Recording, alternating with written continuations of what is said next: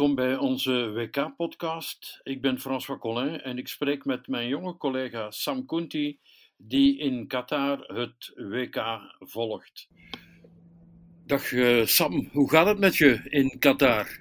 Dag François, um, blij om terug te zijn. Um, ik hoop dat je het goed stelt. Um, alles goed hier in Qatar. Het is uiteraard zeer vermoeiend en soms ook erg lastig. Ik uh, heb het even, ben het even nagegaan. Ik heb reeds uh, eh, 14 wedstrijden bijgewoond. dus die teller loopt wel op. daarnaast gebeurt er natuurlijk ook heel veel naast het veld. dus het zijn zeer lange dagen hier in, in Doha. Ik las op Twitter dat je gisteren werd uh, opgepakt. Ja, ik ben eventjes, um, dus het was gisteren um, de wedstrijd uh, Verenigde Staten tegen Iran. Ik denk toch wel een van de hoogtepunten uh, van deze eerste ronde. Zeker gelet op de politieke situatie in Iran en ja, de geschiedenis en, en, en tussen de beide landen. Um, denk dan ook terug aan de wedstrijd in 1998 in Lyon. En uiteraard, ja, um, met deze wedstrijd is, was de veiligheid wel zeer strikt in en rond het stadion. Um, en je merkte, een, er, er hing een bepaalde vreemde sfeer rond het stadion, uren voor de wedstrijd ook. Um, er waren heel veel Iraanse supporters die eigenlijk schrik hadden om met journalisten en collega's te praten. Um, omdat er heel wat spionnen van het regime hier zijn. Zij hebben dan tickets gekocht via de Iraanse voetbalbond, of ik moet uh, zeggen gekregen.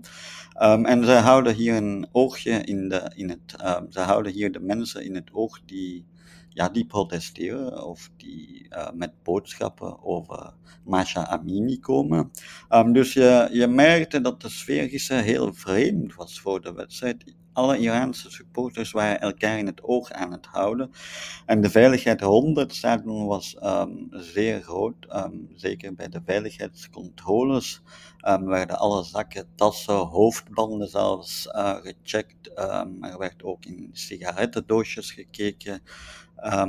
dus dat werd zeer streng gecontroleerd. Um, en op een bepaald moment uh, werd een vlag in beslag genomen, de Perzische vlag. En dat is een vlag die, dat symbool staat een beetje ook uh, voor de protesten. Een vlag van voor de revolutie in 1979.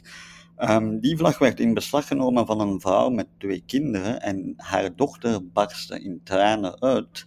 Um, en ik nam daar een foto van en dat werd duidelijk niet geapprecieerd um, door de veiligheid en de politie.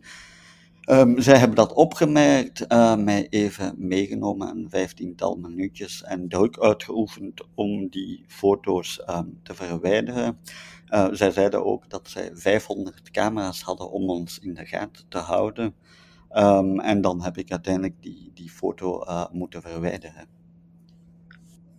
Ja, vooraf was er sprake van 20.000 camera's in, uh, in de stadions. Uh, dat is daar een echte politiestaat.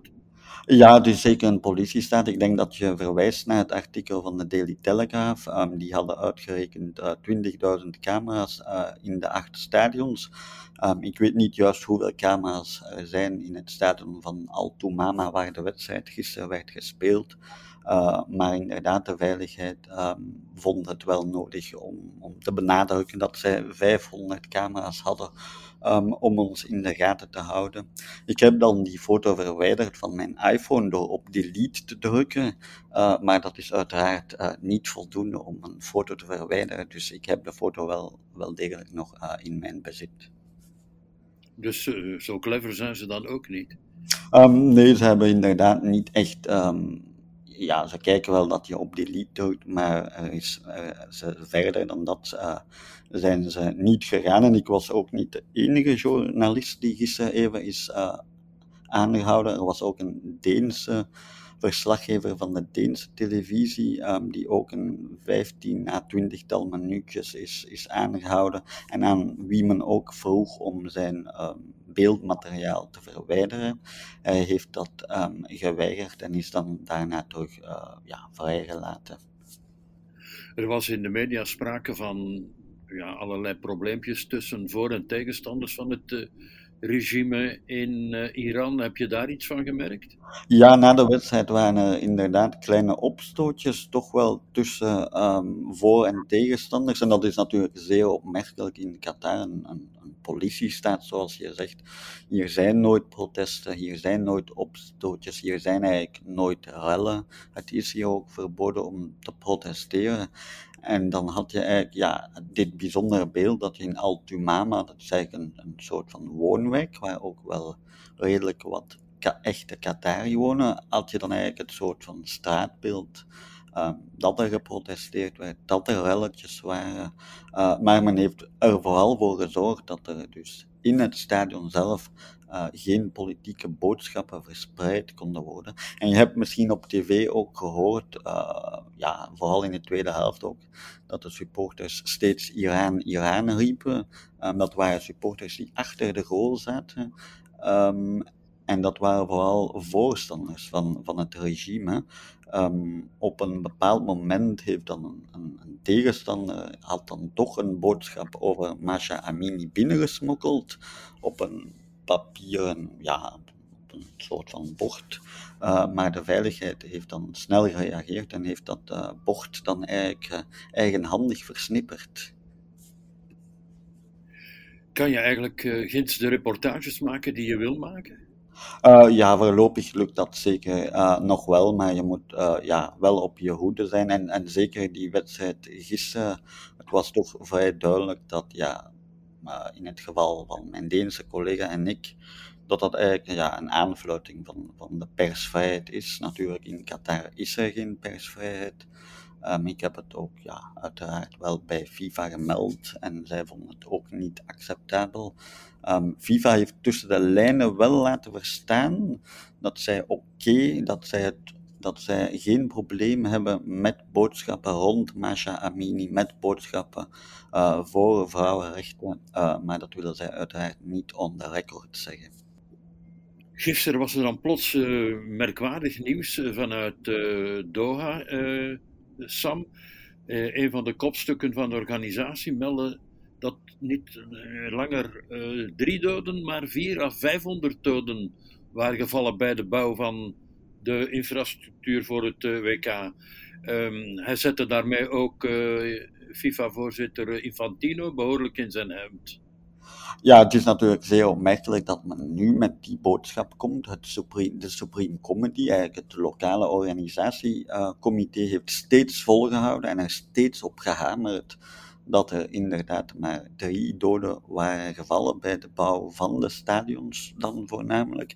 En nu plots tijdens het WK, dus als de groepsfase volop aan de gang is en de focus eigenlijk volledig op het spel ligt, op het spelletje en, en, en alles wat er op het veld gebeurt, komt Hassan Al-Tawadi met dit nieuwe nummer, 4 A500, wat toch ook een, een zeer ander beeld uh, tekent, uh, komt hij hier plots mee aandraven. Het zet inderdaad FIFA ook um, in zijn hemd en dan vooral FIFA-voorzitter Infantino.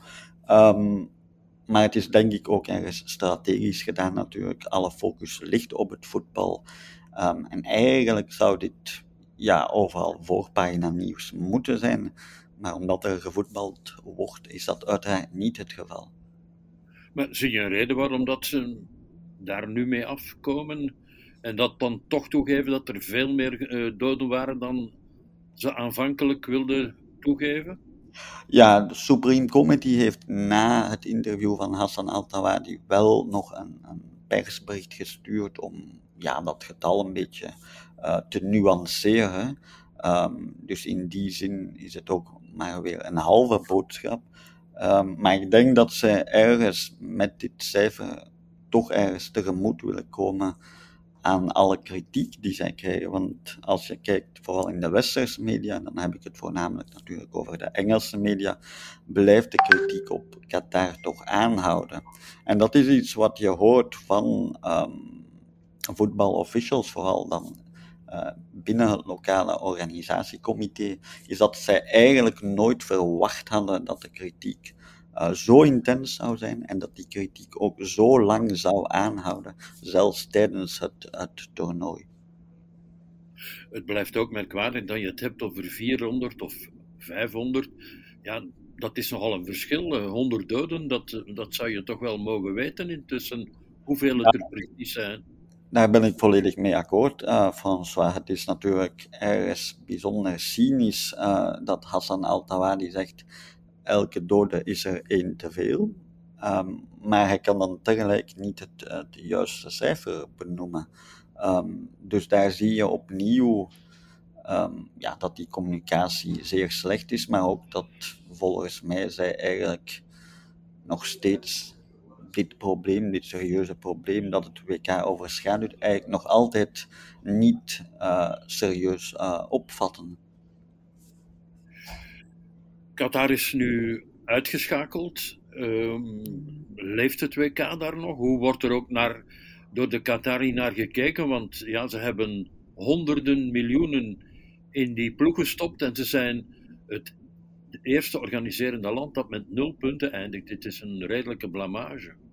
Ja, het is een behoorlijke blamage. En je, je hoort ook wel dat binnen de Qatari gemeenschap er soms de vraag wordt gesteld: was dit het nu allemaal wel waard? En dan heb ik het natuurlijk over de grotere context en alle kritiek die, die Qatar krijgt.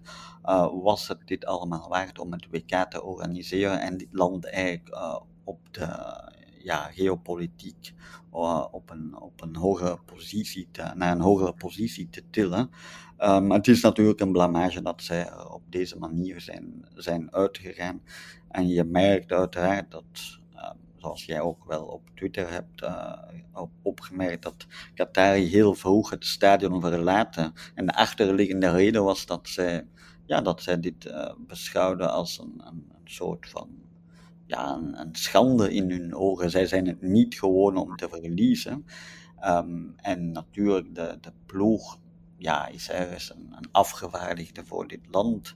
Um, en dus zij zijn het niet gewoon om te verliezen. En dan, om dan te verliezen met, uh, met een op het WK voetbal, op hun eigen WK voetbal, is dan, ja, ervaren zij als, als bijzonder pijnlijk. Maar dat neemt niet weg dat het WK toch nog wel leeft. Je ziet nog overal wel redelijk wat Qatari die naar wedstrijden komen als neutrale supporter, of die dan misschien een boontje hebben voor Brazilië of Argentinië. En je merkt natuurlijk, zoals op elk WK, dat er ook wel heel veel internationale uh, supporters zijn. Um, ik sprak, gisteren met Tony uit Wales. Um, die had zijn hotel in Saudi-Arabië geboekt, in Daman, um, omdat het daar veel goedkoper was. En die nam dus de shuttlebus uit Saudi-Arabië aan de grens hier naar Doha om naar de wedstrijden van Wales te komen kijken. Um, ik sprak met een naamgenoot Sam, um, een Amerikaan die uit uh, Baghdad kwam, Irak uh, verlaten had een 30 uh, jaar geleden en nu voor de eerste keer terug was in het Midden-Oosten. Um, en hij vond het geweldig. Hij, hij zei dat het een, een, WK voor de Arabische wereld was. Um, dus ja, er komt heel wat internationale supporters tegen, allemaal met hun eigen verhaal, met hun eigen achtergrond en, context, zoals je dat hebt op, op elk WK voetbal. Ja, meer dan de helft van de wedstrijden zijn nu ongeveer gespeeld. Wat is je, hele beeld uh, van dit WK? En dan bedoel ik niet alleen het, uh, de wedstrijden. Um, ja, ik denk als we het eh, eventjes over de wedstrijden hebben, denk ik dat ik akkoord ga met wat jij vorige week ook zei, dat het niveau niet altijd zeer hoog ligt. Um, je merkt toch een bepaalde vermoeidheid bij spelers en ploegen. En, maar dan meer algemeen, ja, denk ik dat dit WK ja, het is, het is een, een bijzonder WK in die zin dat het, ja, Qatar is een, een, een complex, moeilijk land, zeker ook als verslaggever, uh, om hier te werken. Um, dus het is een, een WK zoals wij eigenlijk uh, nog nooit hebben meegemaakt. In, in welke zin bedoel je dat? Um, ja, het is uiteraard een, een zeer Doha en Qatar zijn zeer klein, zoals je weet. Dus je kan twee wedstrijden per dag doen. Je zit vlakbij het FIFA Ehm, je kan ook uh, buiten, het de hoofdstad verslaggeving doen over de gastarbeiders. Um, dus je kan heel wat doen. Het is uiteraard ook het eerste WK in de winter. Dat brengt op het veld um, allerlei gevolgen met zich mee. Het is het eerste WK in de Arabische wereld. Je, je, je ziet ook de constante discussie tussen het oosten en het westen. En wordt vaak een racisme-argument ook aangehaald in allerlei media of vooral ook door het organisatiecomité. Um, dus in die zin zijn er heel wat elementen die maken dat dit uh, WK bijzonder uniek is, maar niet per se in een, positieve zin. Tot slot, uh, Sam, uh, vang jij iets op over de problemen bij de Rode Duivels? Ja, ik moet daar heel eerlijk in zijn. Ik ben um, zelf nog niet ja, in het hotel van de Rode Duivels geweest. Um, dus in die zin kan ik uh, jou helaas um, niet, zoveel info, uh, niet zoveel hierover informeren. Maar je hebt uiteraard ook gezien, de, de, de, de twee wedstrijden tot dusver zijn dramatisch geweest. En zoals jij schrijft op de Witte Duivel is het hoog tijd voor vers bloed. Uh, maar ik vrees dat het uh, daarvoor wellicht te laat is. En ik vond het vooral bijzonder typerend dat uh, Roberto Martinez dan uiteindelijk toch voor um, Dries koos om Dries Mertens in te brengen. Um, ja, dat zegt natuurlijk heel veel um, op, op dit ogenblik. en ik, ik denk ja, dat het een, een, verloren zaak is. Ik weet niet hoe jij dat ziet, François.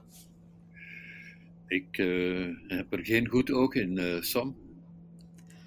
Ja, maar, ja, maar in, in theorie moesten, en ik denk dat je daarmee akkoord gaat, moesten zowel Kroatië als Marokko tegenstanders zijn die de Rode Duivels beter liggen. Canada is een zeer dynamische, snelle ploeg met jong geweld, terwijl Marokko en Kroatië toch terughoudend, meer een meer terughoudende aanpak hebben en ook misschien iets fysieker spelen. Kroatië ook een, oud middenveld natuurlijk, wel met ja, geweldig voetballend vermogen. Um, maar goed, het is duidelijk gebleken dat tegen Marokko, dat ook tegen een ander type van ploeg, uh, België, um, tekort kwam. Um, dus in die zin ja, heeft Marokko, uh, Kroatië natuurlijk geweldig voetballend vermogen. Zeker op dat middenveld, ook al is dat middenveld iets ouder natuurlijk. Um, en in die zin ja, heb ik er ook geen goed oog op. Uh, maar ik ben toch eens benieuwd om te horen wat jij dan specifiek denkt over België-Kroatië. Ja, dit is de moeilijkste wedstrijd van uh, de drie die ze in de voorronde te spelen hadden. En dit had eigenlijk, als je het uh, op papier bekijkt, een wedstrijd moeten zijn waarin je een aantal spelers kon laten rusten. Je hebt met behoorlijk wat geluk gewonnen van Canada. En ja, dan verlies je tegen Marokko, een, een ploeg waar ja, met Amrabat een speler die bij Club Brugge gespeeld heeft, maar dat toch ook niet echt potten gebroken heeft. Met uh, Amala die bij Standaard al uh, maanden uh, op een zijspoor zit. Ja, dat, dat, soort ploegen moet je toch eigenlijk aankunnen. Dus ja, nu wordt het de, de moeilijkste van de drie. En je moet winnen, dus dat wordt een heikele opdracht, vrees ik. En is dat dan voor jou het einde van deze zogenoemde gouden generatie?